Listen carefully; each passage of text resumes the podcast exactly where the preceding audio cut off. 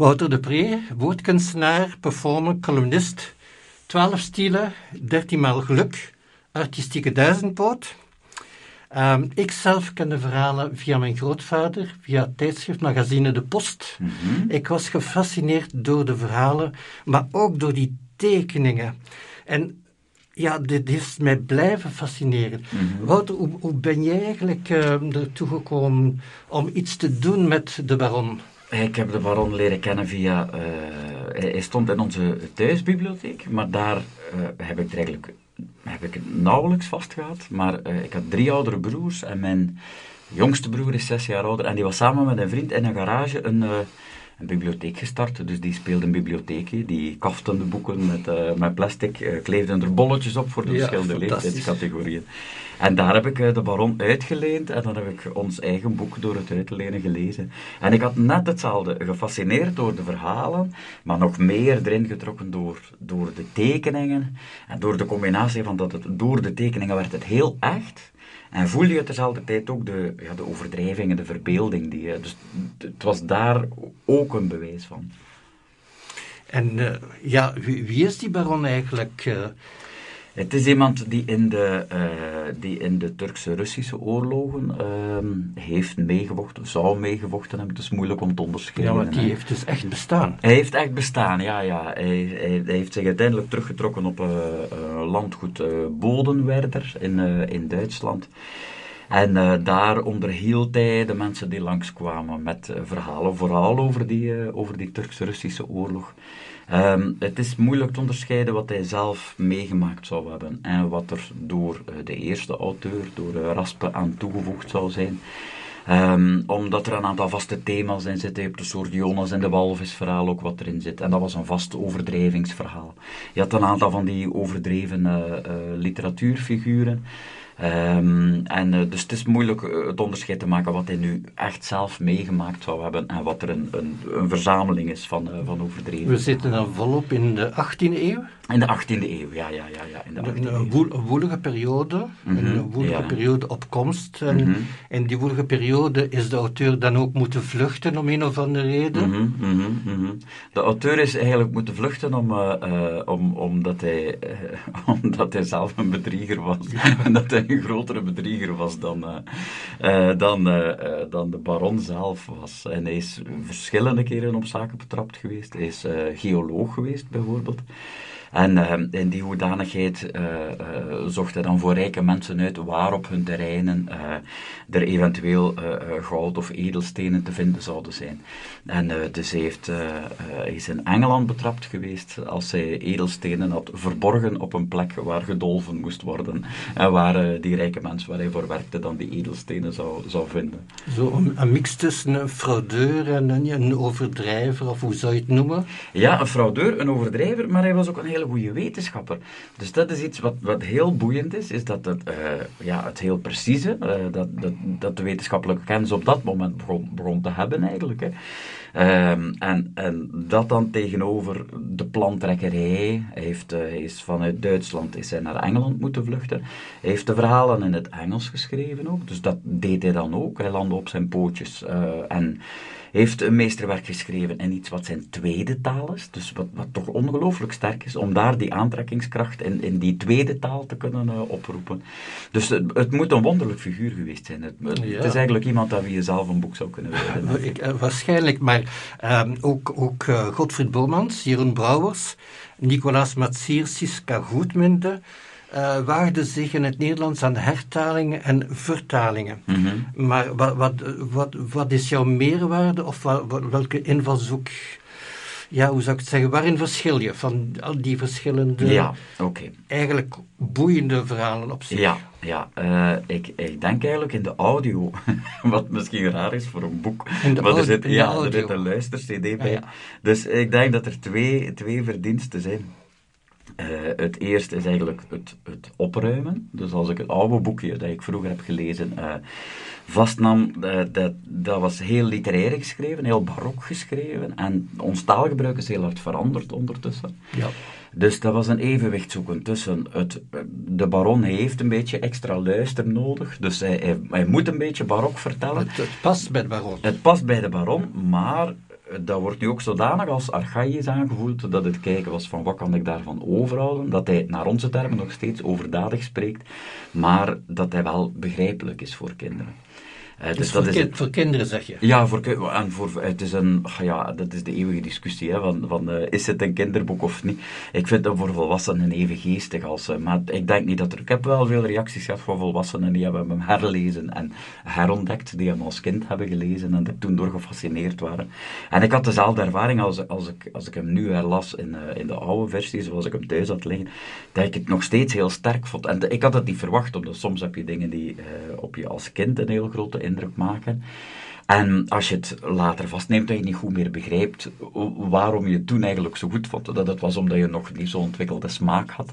En ehm, ik kan hetzelfde hebben bij, bij Roald Dahl, als uh, wat ik nu bij, uh, bij de Baron had. Ja, ja, uh, dat je ook als volwassene weer helemaal in die wereld zit. En dat je als volwassene ook al begrijp je beter waarom hij zo onweerstaanbaar is en hoe hij het doet, dat je er toch eigenlijk even hard door gecharmeerd en gegrepen bent. Ja, charme is wel een sleutelwoord in, bij, bij, bij die persoon, bij dat personage. Maar tezelfde tijd, voor kinderen zeg je, er komen wel een aantal gruwelijke scènes in. Ja, klopt. Dan denk ik, oei, hoe gaat hij dat aanpakken? Ja, uh, ik heb u niet helemaal geantwoord daarnet. Dus een tweede ding, wat ik heel graag wil doen met de baron, hij spreekt vanuit de ik. En dat is iets wat ik vanuit mijn, mijn, uh, het beroep dat ik het, het vaakste doe, op het podium staan, een monologen vertellen. Dat is iets wat ik zelf heel graag doe. En ik hoorde hem ook spreken van op de, van op de bladzijde. Dus ik wou het laten horen en samenwerken met Ben, met, uh, met iemand, een heel goede radiomonteur, waar ik vaak mee samenwerk. En ik wou het eigenlijk op die manier nog, nog proberen optillen, want dat is iets wat ik, ik heb het wel in theaterversie gehoord, maar nog niet in luisterboekversie. Dus dat eigenlijk rechtstreeks tegen je spreekt en dat dat door de geluiden extra wordt opgetild. En, en daarin verschil je misschien van de, de versie van Warre Borgmans? Ja, ik denk het wel. Hè. Eh, eh, de versie die Siska Koemen ervan heeft gemaakt is een theatralere versie. Draait meer rond, uh, is hij nu de waarheid aan het vertalen of is hij aan het liegen? Het was een combinatie met, met, met muziek. En bij mij is het geluid dienend. Is het voor, ja, is het voor, voor de sfeer eigenlijk. Hè. Om, om ofwel om uh, de sfeer van Rusland op te roepen, ofwel om specifieke anekdotes meer uit te benen en uit te lichten en op te tillen. Ja, maar je, je verschilt ook van mening over, over de titel. Barre Borgman zegt de leugenbaron, en mhm. jij zegt, wow, dat is geen leugenbaron. Het zit anders in elkaar. Ja, voor mij is hij geen... een leugen is pejoratief, hè. Ehm, en voor mij is hij daarin geen leugenaar. Het is een, het is een overdrijver. Uh, het is iemand die zich. Ehm, ja, iemand die zich niet, niet laat tegenhouden door hoe het verhaal helemaal echt gebeurd is. Maar je hebt het gevoel dat er ergens een werkelijke kern zit. Ehm, en dat hij eigenlijk dat hij het overdrijven doet als cadeautje aan de luisteraar. Hij raakt in een roes, maakt het vandaar wat groter en daar worden we eigenlijk allebei beter van. Hij omdat hij de aandacht krijgt, het verhaal omdat het spectaculairder wordt en de toehoorder omdat hij een spectaculairder en meeslepender verhaal hoort. Eigenlijk is het eh, een performer avant la lettre. Ik ja, kan mij inbeelden in die salons dat hij heel zijn publiek zou mee hebben in zijn gebroken Engels, een mix van Engels en Duits. Ik denk dat dat um, een heel fascinerend personage moet geweest zijn. Ja, ja, En ja, als we, als we nu zeggen... Um, hij heeft het geschreven in het Engels, maar zijn moedertaal was Duits. Op zich is dat al een stunt, vind ik. Absoluut, ja. Maar, maar dan kom ik bij jou als West-Vlaming. Heb je dan geen zin om dat in, in het West-Vlaams te, te Zeker, ja, ja. Omdat het uh, mijn uh, eerste en meest vloeiende taal is. Alhoewel ik ook wel stukjes ben kwijtgeraakt hoor, uh, ondertussen. Maar um, ik, vind het ook, ik vind het ook wel fijn om hem... Um, um, ja, om, een reden waarom ik het wou doen is ook omdat ik heb het gevoel dat hij aan het verdwijnen is. Uh, dus dat hij uh, kinderen leren op een andere manier lezen dan ze vroeger leerden lezen. Daar, zit minder, uh, daar zitten minder klassiekers in. En er dreigen een aantal klassiekers kopje onder te gaan. Ik vind dat niet de ondergang van het avondland, als er een aantal, een aantal boeken verloren gaan. Maar ik vind deze van zo'n rijkheid en er zijn zo weinig heel aantrekkelijke komische personages. Dat ik hem eigenlijk graag wou doorvertellen uit geestdrift. Eigenlijk, eigenlijk is het dat. Ik wou, ik wou hem doorgeven. Ehm, en dat, dat is eigenlijk de belangrijkste motivatie geweest. Om, ik, ik geef in mijn buurt geef ik, uh, leeslesjes samen met een paar vrienden. Aan Belgisch-Turkse kinderen en Belgisch-Tsjetsjeense kinderen. En uh, die zijn heel hard mee met het personage. En vaak leren ze in het uh, lager onderwijs um, heel weinig lezen met fictie. Uh, dus ze krijgen heel veel, uh, ze krijgen wel begrijpend lezen, het aantal uren is ook achteruit gegaan, maar het gaat vaak over uh, leesstrategieën, het gaat vaak over wat bedoelt de auteur, het gaat vaak over non-fictie. Um, terwijl dat ik denk, dat ik zie in die leeslesjes dat als je bijvoorbeeld de, de verhalen van de Baron gebruikt, ik, ik gebruik er ook van Moulin Nasruddin, um, dat zijn meeslepende komische personages en daarin zijn ze mee één door de humor, die ze begrijpen en dan in taal leren begrijpen. Maar ze, ze begrijpen ze intuïtief, omdat het zulke sterke personages zijn. Um, en uh, daarin zou ik het de zonde vinden om, om niet vaker met dit soort personages te werken of dit soort verhalen te werken. Zoals dat ik zie dat mijn gasten op, op Roald Dahl ook, uh, ook op sprongen en volledig meegesleept ja, waren. Het is, het is een boeiend personage en dat wordt nog geaccentueerd, benadrukt door de mooie tekeningen Mhm. in het boek zelf. Het is een luisterboek, het is een leesboek, het is Mhm. een kijkboek. Kijkboek, ja, absoluut. En, en ja. uh, je hebt een, een uitmuntende tekenaar gevonden, uh, die eigenlijk in de voetsporen treedt van Gustave Doré en Mhm. William Kuyk. Ja. Dat zijn heel grote namen. Ja. Ik vind dat hij daar zeker in het rijtje mag bij staan. Ja, Hoe is die ook, samenwerking gekomen? Ik heb al vaak met samengewerkt. Hij heeft mij geholpen bij mijn voorstellingen. Hij heeft mij eigenlijk vooral geholpen om uh, te ontdekken waar het op een podium over zou kunnen gaan. Um, uh, en de, ik denk dat dat, ja, ik denk dat dat daarin zijn belangrijkste rol is geweest. En ik heb toen ook met hem samengewerkt voor, uh, ik heb drie vader-zoon boekjes gemaakt, waarin ik brieven schreef ja. aan mijn zoon en dan aan mijn tweede zoon ook. Daar heeft hij ook bij getekend. waar is hij ongelooflijk goed in? In combinatie van ontroering en humor. Dat is iets wat hij ontzettend goed kan. En nu vind ik dat hij in, in de Baron het, het, het serieus dat de, dat de baron ook heeft, of een soort, ik weet niet of statigheid het juiste woord is, want hij is helemaal niet stijf. Hè. Als er neverzwijn op hem afkomt, dan, dan springt hij weg en hij weet dadelijk hoe hij moet reageren. Um, maar wel een soort um, ja, plechtigheid toch van, van die tijd en van, uh, van adellijk te zijn of tegen de adel aan te zitten en zich in die kringen te bewegen. Dus hij vangt dat heel goed, het stijve van die tijd. Uh, en terzelfde tijd maakt hij hem ontzettend grappig. Uh, groeit hij tijdens het boek. Nee, wordt hij kleiner tijdens het boek. Dus hij wordt eigenlijk kwetsbaarder en kwetsbaarder tijdens het boek. Um, en ja, hij is, Randall is ook zo goed in uh, beweging tekenen. En dat is vaak het onderscheid tussen de... Hetgene waarmee de heel goede tekenaars zich onderscheiden, vind ik. Als je een, ja, een ja. beweging kunt vatten mm. en een, um, in, in, in iets wat... wat stilstaat, hè, dat is knap. Ja, dat is een kunst. Hij, hij, hij, brengt het tot een soort essentie dat nog levend en mm -hmm. levendiger ja. wordt ja. naarmate het boek eindigt. Ja, klopt. Maar je was van plan daarmee de hort op te gaan. Uh, corona heeft eten in het roet gegooid. Mm -hmm. Maar wat, wat wou je doen? Als je dat vergelijkt met Warre Borgmans, die ging dat met een klein orkestje gaan brengen. Ja. Ik denk niet dat dat ook gebeurd is door corona, nee, naar mijn nee. weten niet. Nee. Maar wat, wat wou jij doen? Wij gingen een, uh, een expo doen, dus uh, bij mij op kantoor. Het is uh, een huisje van, van een klein huisje van drie verdiepingen. En daar gingen we eigenlijk het huis van de baron van maken. En, Schitterend. Dus kleine, ja, kleine overblijfselen uit zijn, uit zijn verhalen, uh, reiskaarten, uh, kostuums die hij aan had op, op belangrijke momenten, een gescheurde jas na een aanval Ja. van een everzwijn. Um, eigenlijk in een soort reliquieën-traditie. Ja, hè. een soort kab- rariteitenkabinet. Ja, rariteitenkabinet. Iets dat eigenlijk van, van die periode is, hè. Het, Ja, eh, Absoluut. het Ja, die, die mij rariteitenkabinet. daaraan denken. Ja. En bestaat dit rariteitenkabinet nu in uw huis? Zou, Er staat een deel, dus ik heb een stuk een boomstam staan, ik heb Ja. een grote beer staan, eh, ik heb eh, het, het pak van de, van de baron, ik heb de, eh, de, de druppende vlecht waaraan hij zichzelf Ja. uit, eh, uit het moeras heeft, eh, heeft getrokken. Uh, die, die dat is allemaal authentiek materiaal. Dat is allemaal authentiek materiaal, rechtstreeks van de baron Ben, ben je van plan daar iets virtueels van te maken? Een virtuele rondleiding? Is het, het, zou kunnen. We, we, hebben al gedacht om, om het te hernemen als, als corona het ons zou, zou toelaten. Want we vinden het jammer dat we in het verzamelwerk dat we hebben gedaan, dat we dat niet kunnen tonen natuurlijk. Dat is, dat is alleen een voorspel geweest en geen orgasme. Dus dat is heel jammer. Uh, en we zijn ook aan het denken of, of het uh, misschien zou kunnen rondreizen. En, uh, en, en ik, ik hou eigenlijk van, van, ik hou van kleine dingen. En, en met audio kun je zo ontzettend veel oproepen zonder dat het met grote toeters en bellen moet zijn. Eigenlijk is audio is de kunst om, om met geluid beeld op te roepen.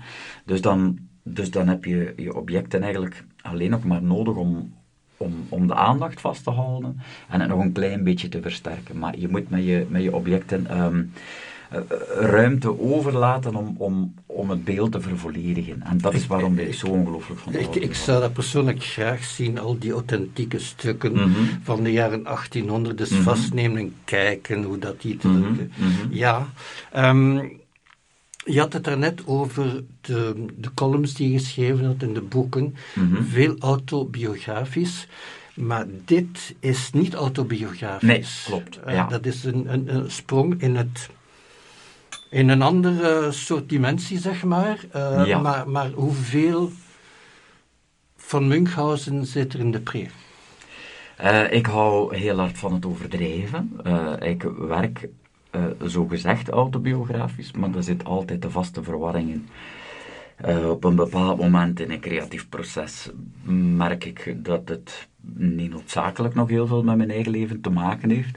Maar er zitten sowieso, als je op dat spoor vertrekt, als je oprechtheid hoopt te bereiken en dat het interessant is omdat het over je eigen leven gaat.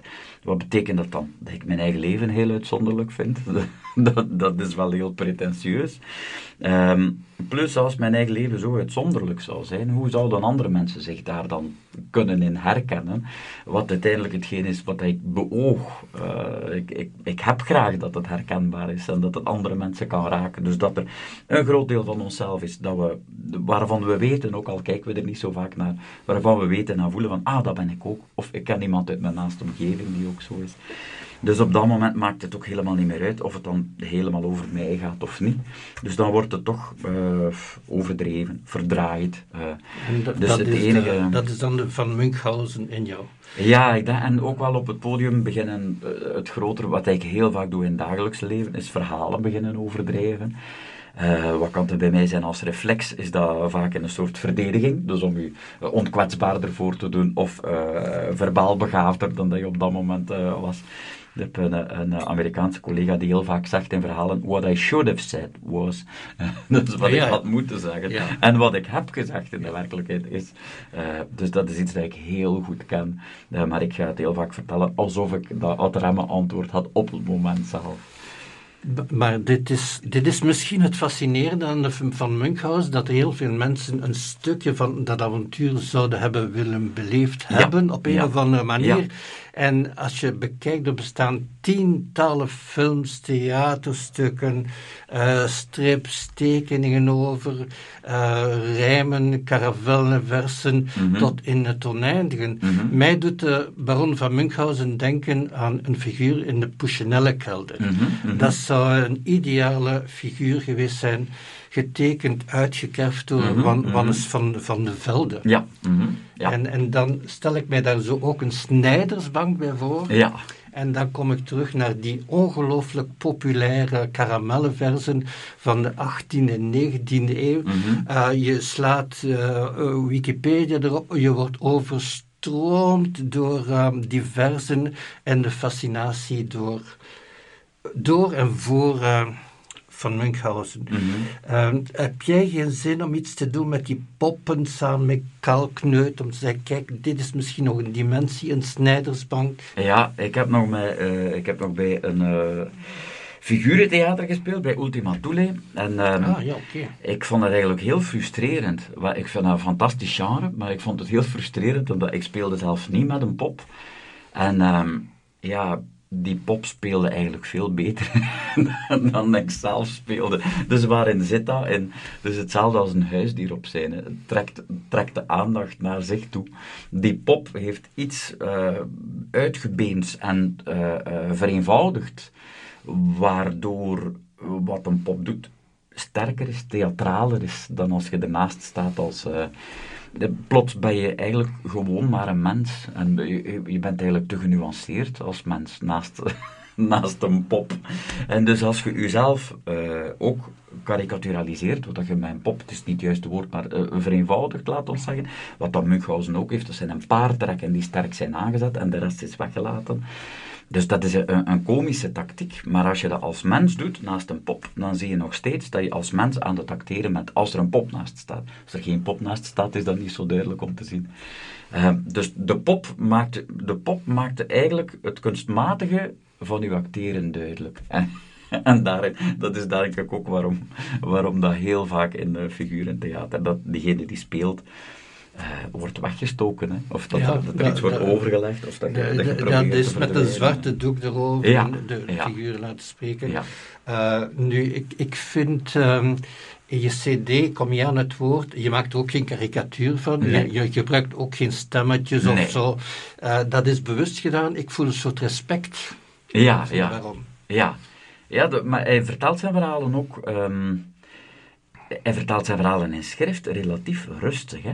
Dus er zit ook iets in. Hij, hij is totaal niet bang om actie te ondernemen. Dus van zodra het mogelijk is om actie te ondernemen en hij ziet voortdurend mogelijkheden, dan doet hij het. Dus dat is totaal tegenovergesteld aan, aan hoe ik zelf ben. Ik sta aan de zeilen en we zullen nog wel eens zien. En heel misschien kun je ermee intrekken, maar ik zal de laatste zijn van de hoop die het doet. Um, en ten tweede, hij maakt die verhalen mee. En voor hem is dat hij gaat wel vertellen over wat er, wat er allemaal gebeurt, dus hij zal het aandekken. Maar onderdeel van zijn act is ook dat hij, dat hij zegt dat hij er onbewogen onder is gebleven. En uh, dus er moet een soort uh, cool in zijn, in, in zijn vertellen zitten eigenlijk ook. Want hij is geen dramatisch figuur. Zijn prikkeldrempel ligt ongelooflijk hoog. Voor hij overstuur is, moet er echt, moet er echt al ontzettend veel gebeuren. Er zit veel uh, Brits flegma in hem. Ja, klopt. De, ja, en ja, tezelfde ja. tijd de, de, de Duitse Sturm und Drang. Zo ja, ja, ja, Een mix van die twee maken hem misschien fascinerend. Um, maar hij blijft fascineren en uh, ik, ik vraag me dan af... Um, je hebt een tijd in Zuid-Afrika gewoond mm -hmm. en gewerkt. Mm -hmm. Zou, is, is de baron van Munchausen daar bijvoorbeeld bekend? Ik, ik, weet, ik heb nee. er geen idee van. Uh, Zuid-Afrika heeft heel... Um... Ik, ik, heb het over blank Zuid-Afrika. Ja, ja. Uh, Zuid-Afrika heeft geen... Um, moet ik zeggen, in getallen geen, geen rijke literaire cultuur. Dus van aantal boeken dat er wordt verkocht, van aantal mensen die graag lezen. Dat moeten we niet onderschatten. Dat is dat is waarschijnlijk aan het afnemen, maar daarin zijn wij een, een uitzonderlijk rijk cultureel deel van de wereld, denk ik. Je hebt uh, een aantal ongelooflijke schrijvers, je hebt uh, een aantal ongelooflijke zwarte schrijvers ook, uh, ja. die, die nu vaak in, in, in um, hun thuistaal schrijven. Um, Kossa bijvoorbeeld, wat dat we via onze vrienden regelmatig hoorden, is een, een, een ontzettend rijke taal, een heel beeldende taal. Een heel, heel, heel moeilijke taal om uit te spreken. Ja, het is een moeilijke taal om uit te spreken. Ik ja. hoor het graag, maar ja, ik ja. slaag er niet in om die klanken aan te bootsen. Um, maar ook in het Afrikaans wordt er, uh, wordt er ja, de ontzettend rijk geschreven. De popmuziek is rijk op dit moment in Zuid-Afrika. Dus het is een, een zeer boeiende literaire cultuur. Maar er is weinig kanon, denk ik. En uh, je hebt, uh, oh, wie, wie heb ik heel graag gelezen? Uh, Bosman, kortverhalen van, van Bosman. Um, en ja, waarin hij, waarin hij verschillende Zuid-Afrikaanse culturen en de voorkamerstories zijn dat. en ja, die zijn, die zijn ontzettend goed. Heel geestig, heel geestig. Maar het vraagt wel al veel vertaalwerk om nu. Ja. Maar er zit een, iets in van mannelijkheid. iets van mannelijkheid dat de baron heeft. Uh, en dat ik wel herken van, dat ik, waarvan dat ik wel denk dat Zuid-Afrikanen zich mee zouden kunnen associëren. Uh, het, is, het is heel Zuid-Afrikaans om uh, als man u stoer te zijn en op zijn minst u stoer voor te doen. om grote verhalen te vertellen en onbewogen te blijven onder die grote verhalen. Dus dat zit daar absoluut in. Dus ik denk dat die, die zou zeker kunnen aanspreken. Ja, heb je dan geen zin na corona eventueel om de, de, de boer op te gaan in, in, in Zuid-Afrika? Ja, je, je kan ook in het Afrikaans stories over die baron vertellen. Ja, dat klopt, dat klopt. Ja. Ik vind het een heel aantrekkelijke taal, maar ik heb al door dat er, dat er sowieso te weinig tijd zal, uh, zal zijn. En wat ik heel graag zou doen uh, in Zuid-Afrika, zoals Europeaan vertellen over Zuid-Afrika. En dus eigenlijk als een, als een dom personage te kunnen, te kunnen starten in, in een voorstelling. Een personage zonder voorkennis. En dus van alles wat je ziet in Zuid-Afrika verkeerd begrijpen en daarover vertellen alsof je het begrijpt. Dus er zit al iets in je hoofd? Ja, ik heb dat ook wel gedaan. Als we daar waren, heb ik een paar keer zo Ik wil zo'n personage wel neerzetten en dan kom ik toe in Zuid-Afrika, ik begrijp er niks van en daar zou je iets kunnen over doen. Voilà, ja. Ja, wat je nog heel vaak hebt in, uh, op heel veel plaatsen in Zuid-Afrika, is dat verschillende culturen eigenlijk heel weinig over elkaar weten, of alleen de stereotypen. Ik vind niet eigenlijk dat stereotypen bestaan, hè, eh, want dat is een soort handleiding voor wat je in de werkelijkheid zou kunnen tegenkomen. Ehm, maar je ziet wel dat waar wij woonden was er eigenlijk relatief weinig contact tussen, uh, tussen blank en zwart, tussen zwart onderling. Ja, dat was, in, was dat in Johannesburg? Uh? Nee, in, Plettenberg, Johannes, uh, in Plettenberg bij. Ja, ja, Johannesburg is veel, veel gemengder en veel cosmopolitischer. veel complexer. Ja. dus daar spelen heel andere dingen, maar daar is wel veel meer vermenging en denk ik kennen, elkaar, kennen mensen elkaar ook wel een stuk beter. Uh, dus zou je minder met die, met die stereotypen kunnen spelen dan, uh, dan, dan op ja, plat is eigenlijk de boeren buiten. Hè. Ja, dat is de boeren buiten. Maar uh, ik, als je het over verbinding hebt, zo die, die, die verschillende entiteiten, stamentiteiten, ik weet niet hoe ik het moet zeggen. De baron van Munchausen, ik denk dat dat vreselijk attractief moet zijn. Ja, ja. Om zo'n baron plots uit het niets tevoorschijn gekomen ja, ja, en zo, ja. wat heb ik nu? Ja, ja, ja, de baron die binnenkomt in, uh, in de township, dat zou heel graag ja, zijn. Ja, bijvoorbeeld. bijvoorbeeld. Uh, dus je zou het eventueel kunnen doen in het Afrikaans, uh, je zou het eventueel kunnen doen in het West-Vlaams. Mm, mm. Um, je hebt ook liedjes vertaald van Jacques Brel en Johnny Cash in Klopt, het West-Vlaams. Ja. ja. Uh, zou jij, zie jij de baron ook zingen eventueel in een van je... Ik weet het niet. Ik denk dat hij, als hij zingt, zingt hij vals, volgens mij. Ja, maar wel denk... met heel veel overtuiging. Ja. Ik denk dat iemand is die uit een koor wordt weggestuurd. Ja. en dat ze heel moeilijk vinden hoe dat ze Dat het moeten meedelen. een mooi verhaal op omdat hij te groot enthousiasme ja. heeft. Ja. Daar, daar heb je niet onmiddellijk uh, zin in. Nee, denk het niet. Ik, ik wil hem wel laten, uh, laten rondtrekken hoor. Uh, ik heb een, een kameraad die, die een heel goede baron zou zijn. En die, maar dan dacht ik ook van, we moeten hem niet, eigenlijk niet op scène zetten. En dat is iemand om om effectief bij u in de ruimte te voelen. Uh, Ja. die, die moet een klas binnenstormen uh, en, en vandaar beginnen vertellen. En je moet, ja, je moet zijn paard horen uh, in de gang. je, moet, je moet de paarden best ruiken als hij, als hij binnenkomt. Ehm, ja, hij heeft een, een, een, hond aan de leiband uh, met, een vogel in zijn bek. En, dus je moet hem zien als... Ik heb daar ook over getwijfeld, omdat er effectief sommige verhalen zijn van de baron die nu gruwelijk zijn om te horen. Uh, omdat er natuurlijk een andere omgang met dieren was in, uh, in die periode. Ja. Um, maar ik heb gedacht, dat moet erin. ten eerste omdat het zo was, één.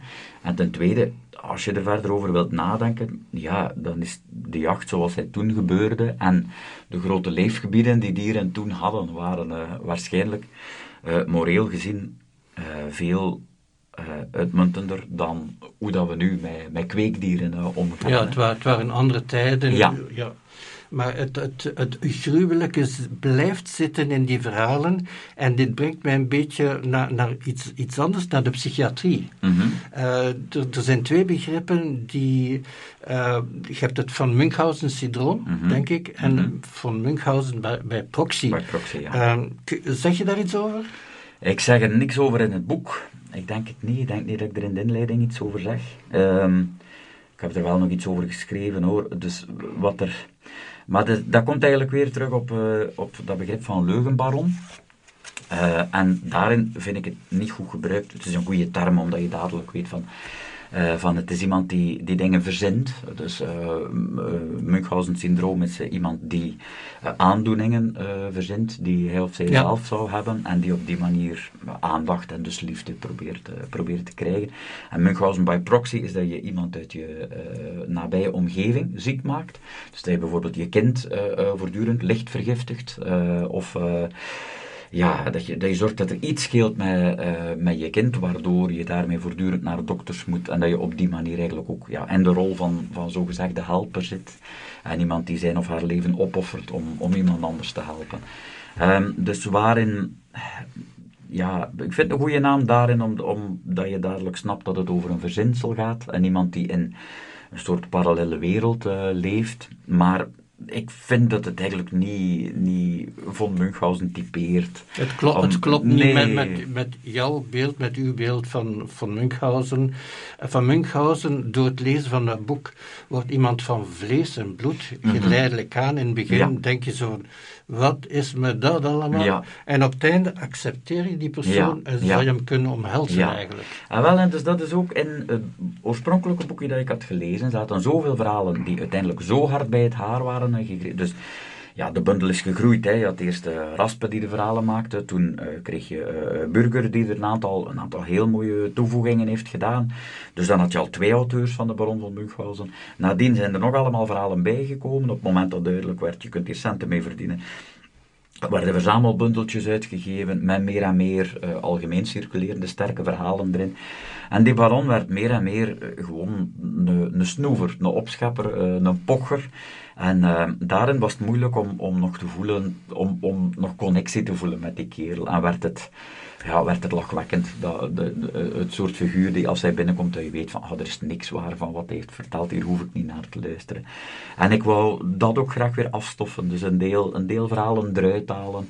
Er zaten parodieën in op, uh, op uh, de reizen met de luchtballons bijvoorbeeld, die in het begin niet ja. werden geloofd. Uh, dus dan werden gelijkaardige reisverhalen gemaakt met de baron van Munchausen en wat hij dan met die luchtballon allemaal meegemaakt zou hebben. En eigenlijk was dat een soort satire op die reisverhalen met die, uh, met die luchtballon. Maar ja, wat blijkt, de luchtballon is een, uh, een wonderlijke technologie geweest. Dus er zat ook een soort bekrompenheid in van de schrijvers die op dat moment verhalen toevoegden, konden niet geloven dat de werkelijkheid zo wonderlijk was als ze was. En als je kijkt aan, aan ja, wat er in de voorbije eeuwen van, van snelheid van ontwikkelingen is geweest, ja, dan is de baron met zijn, met zijn zogezegde overdrijven Savan nog wel uiteindelijk. dus als je toen een luchtballon moest uitlachen, ja, waar zitten we ondertussen? Ja, uh, we zijn ondertussen op de maan geland. We kunnen de aarde zoveel keer vernietigen.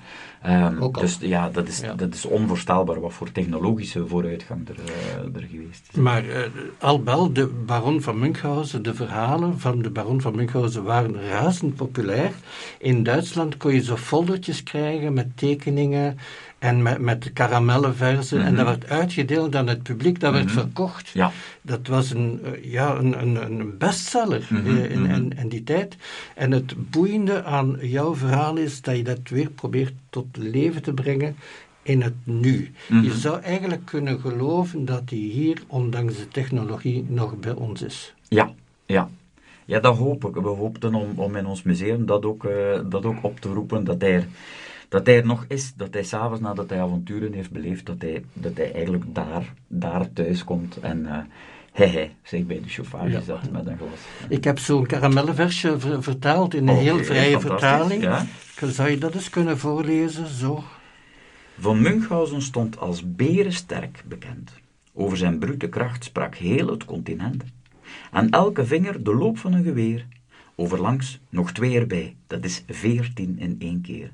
Met zijn uitgestrekte armen, dat staat nu buiten kijf, joeg hij, al dus gewapend, een ieder de stuipen op het lijf. Ja, dat is uh, inderdaad de sfeer. Dat is hem, dat, ja. dat, is hem op, op en top. Ja. En dit had je maal 20 of maal 100 of maal 200. Uh, het is fascinerend. Ik hoop dat die, dat museum of dat rariteitenkabinet er sowieso komt. We kijken er naar uit. Um, misschien nog iets. Uh, iedere schrijver heeft zo zijn eigen rituelen. Mhm. Eh, wat is jouw ritueel? Ben je een gedisciplineerd iemand? Eh, schrijf je in je pyjama in het midden van de nacht? Schrijf je op blote voeten? Moet je je isoleren op het eiland Elba, bij wijze van spreken? Alles. Het hangt ervan af hoe lang, hoe lang, het, eh, hoe lang het moet zijn. Ik werk heel graag met eh, korte verhalen, dus ook vaak een korte aandachtspannen. Voor voorstellingen doe ik het zo, plan ik try-outs en dan moet ik naar die try-outs toe werken. Maar een keer dat ik daar ben, dan heb ik snel veel materiaal, maar dat is na eerst paniek opstapelen, terwijl ik niks zit te doen. Eh, mij voeden ondertussen, denken waarover zou het kunnen gaan, denken ik heb een thema, daar dan aan beginnen, dat weer helemaal omgooien. Dus dat is eigenlijk een rommel maken en panikeren. En ehm, dus ik ben nu eh, eh, nieuw materiaal aan het maken. Wat doe ik dan? Is korte stukjes maken, die opnemen, eigenlijk als, eh, als, als ehm, motivatie om ze af te werken. En dan stuur ik ze door naar vrienden, die ze vaak niet eens beluisteren, denk ik, omdat het in, een gewone leven binnenkomt, dus zij een heel andere vibe zitten. Ehm, dus dat is één manier van werken. Als ik moet beginnen ordenen, dan ga ik apart gaan zitten, dat ik even op mijn, dat ik even op mijn gemak ben. Dan, dan huur ik iets of eh, ga ik op kantoor zitten bij vrienden. Of werk ik s'nachts als er minder, minder dingen binnenkomen, als eh, het internet minder actief is. Ehm, maar in het algemeen heb ik er stilaan vrede mee dat ik, ehm, dat ik eigenlijk met korte stukjes werk. En die, en die zo dens en zo rijk mogelijk probeer Maar je, je, je blijft thuis. Je gaat niet zeggen, ik blijf drie maanden op het eiland Elba, bij wijze van Nee, dan niet, nee. Alleen en van geen mens gestoord, laat me alleen. Ik ben in een, in een creatieve modus. Ja, nee. Nee, ik ga eigenlijk altijd in een heel kleine isolatie. Dus dat is op, op mijn eigen kamer. Of op, eh, ik heb een schrijfkamer, soms ga ik op zolder zitten. Het, het werkt ook maar als ik drie dagen aan elkaar op kantoor heb gezeten. Dan, dan, dan lukt het niet en ligt dat volgens mij aan de ruimte. En dan moet ik op zolder gaan zitten of, of, of, eh, of, of eh, zit ik in kleermakers, zit op, op het bed van mijn oudste. Ehm, en ja, ik, ik heb ook altijd vijanden nodig, dus ik moet op dat moment moet ik ook... eh, Je hebt een ik- uitdaging nodig. Ja, ik, Ja. Moet de, ik moet de poetsvrouw een beetje haten, omdat ze beneden aan het stofzuigen Ja, is. En dat ik daardoor mijn meester... Ik was net die dag van plan natuurlijk om mijn meesterwerk te schrijven. En dat is niet mogelijk, want er is het geluid van de stofzuiger. Ehm, dus ja, ik doe alles, al het mogelijke van vluchtgedrag. En, Uh, alles op computer of met, of met een kroontjespen? eh, voor mijn voorstellingen schrijf ik de beste dingen achter in de tuin, met een boek op mijn schoot en in een schommelstoel. Ja. Eh, liefst nog naast eh, de bijenkast, dat je kan Ja. kijken of ze, of ze stuifmeel Ja, binnenbrengen. De imker in u komt naar boven. Ja, ik zie ze graag bezig en ook, eh, zij, zij twijfelen er niet over of ze actief moeten zijn of niet. Alhoewel ik heb gelezen dat er ook bij bijen een zeer groot verschil is in temperament, in gevoeligheid en in hoe hard ze werken ook. Ja, mijn overbuur weet daar ook alles van. Dat is een fascinatie voor hem. Maar schrijf, is dat computer of met een potlood of een kroontjespen? Wat, wat- Nee, ik schrijf gewoon met, met een biek in, in eh, eh, eh, liefst een groot boek. Ja. Of van welk merk is dat nu? Zo'n blauwe boek, heb ik er een bij. de, de oude stijl eigenlijk, een soort algemeen boek, gedachten, Ja, bundeling, alles komt samen. Ja, En, en- daarna... Ja, en- en de baron heb ik geordend. Dus eigenlijk uit verschillende, uit verschillende versies. van alles van verhalen. Dus eerst geselecteerd welke verhalen ik zou, zou gebruiken. Dan een volgorde ingestoken. Dan beginnen eh, opruimen. Eh, dus eigenlijk eerst een redelijk letterlijke vertaling maken. Dan kijken, wat leeft er nog? Wat steek ik erin uit eerbied voor, voor het oorspronkelijke verhaal. Maar als ik merk dat ik het voorlees aan, eh, aan, eh, aan mijn kinderen... Dus ik heb alles voorgelezen aan mijn, aan mijn jongste zoon. En als ik zag dat zijn, dat zijn aandacht weg was... Ja. Dus terwijl hij wel geconcentreerd Dus, zat te eh, luisteren... Ja, dus die stukken gingen eruit. Dus dat was wel... hey, dat doe ik... Ja, ik vond dat heel moeilijk om te doen, om, om, omdat ik zo'n respect heb voor hoe het oorspronkelijk geschreven is geweest. Ook al, is het, ook al weet ik dat puzzelwerk is en dat, het, eh, dat er eh, lapjes op genaaid zijn. Eh, toch, ja, toch is dat dan moeilijk om dan, om dan ja, de pretentie in bezit te nemen om te zeggen, ah, ik ga dit eruit laten, want dat werkt nu niet meer. Of, eh, ja, het is, ehm, het, is dus ja. het is wikken en wegen. Ja, en het is eh, ook ja, durven pretentieus genoeg zijn om te zeggen, Ja. dit komt er wel in, dit komt er niet in. Dus ja, wel. dat Eh, doet mijn voorstelling, moet je op een bepaald moment moet je ook beslissen van, oké, nu ben ik niet meer degene die het heeft geschreven, nu ben ik degene die het moet spelen. En bepaald materiaal dat ik heb gekregen van de schrijver, ook al ben ik dat dan zelf, voldoet niet Ja. in het geheel en dat Eh, moet eruit. Het principe kill your darlings. Ja, ja, ja. ja, welke schoenen draag je om, om te schrijven? Eh, ik zit heel vaak op blote voeten tijdens het schrijven, of met sokken aan. Eh, als ik in de tuin zit, is dat op blote voeten. En in een schommelstoel. Ik schrijf heel graag in een schommelstoel. Ja, dus ik heb een schommelstoel voor buiten. Ik heb twee, twee schommelstoelen op mijn kantoor. Eén op het gelijkvloers en één op het eerste. Op dit moment staan ze allebei op het, eh, op het eerste. Zit ik in mijn ene schommelstoel en leg ik mijn voeten in de andere, in de dat, andere dat, dat, dat klinkt heel ontspannen, met dezelfde tijd blijft het breintje stomen en Ja, stromen. ja, ja. Eh, je, je, je begint binnenkort met een try-out. Ja, Eh, ja, ik ben nu aan het rijden. mogen we weten, kun je al een ballonnetje oplaten? Ik weet eigenlijk nog niks. Ik heb nu heel veel los materiaal, dus op dit moment denk ik. Ik dacht dat een voorstelling over taal eh, zou zijn. Daar ben ik op dit moment aan het verlaten. Maar kijk, als ik naar hier fietste, eh, was ik toch weer aan het denken: ah nee, het moet erin. Dus het overkoepelende idee was nu dat ik zou proberen, dat ik ja, probeer aan mijn kinderen uit te leggen wat een metafoor eh, is. Wow. En, en dat ik maar niet erop kom hoe ik dat kan doen, totdat ik in een concreet voorval geraak waarvan dat ik denk, ah, maar dat is eigenlijk een metafoor voor de fase van het leven waar ik op dit moment eh, eh, in zit. Ehm, dus, dat, dus dat was nu mijn gedachte. Maar er moet nog veel water naar de zee vloeien. Ja, en, en naar de Schelde, ja, we zitten hier in Gent, Schelde, Ja. Schelde en Leien. Ehm, je, je zingt soms in je voorstellingen, Ja, soms heb je ja. gitaar mee.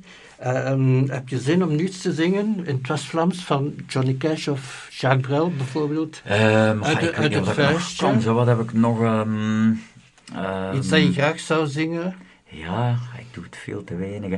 Want dat we een, een, een oud liedje dat we op het speelplein vaak zongen, maar ik ken ook maar een stukje meer van. Het dat was een vuil liedje. Van, van thuis. Ja, ja, ja. Ja.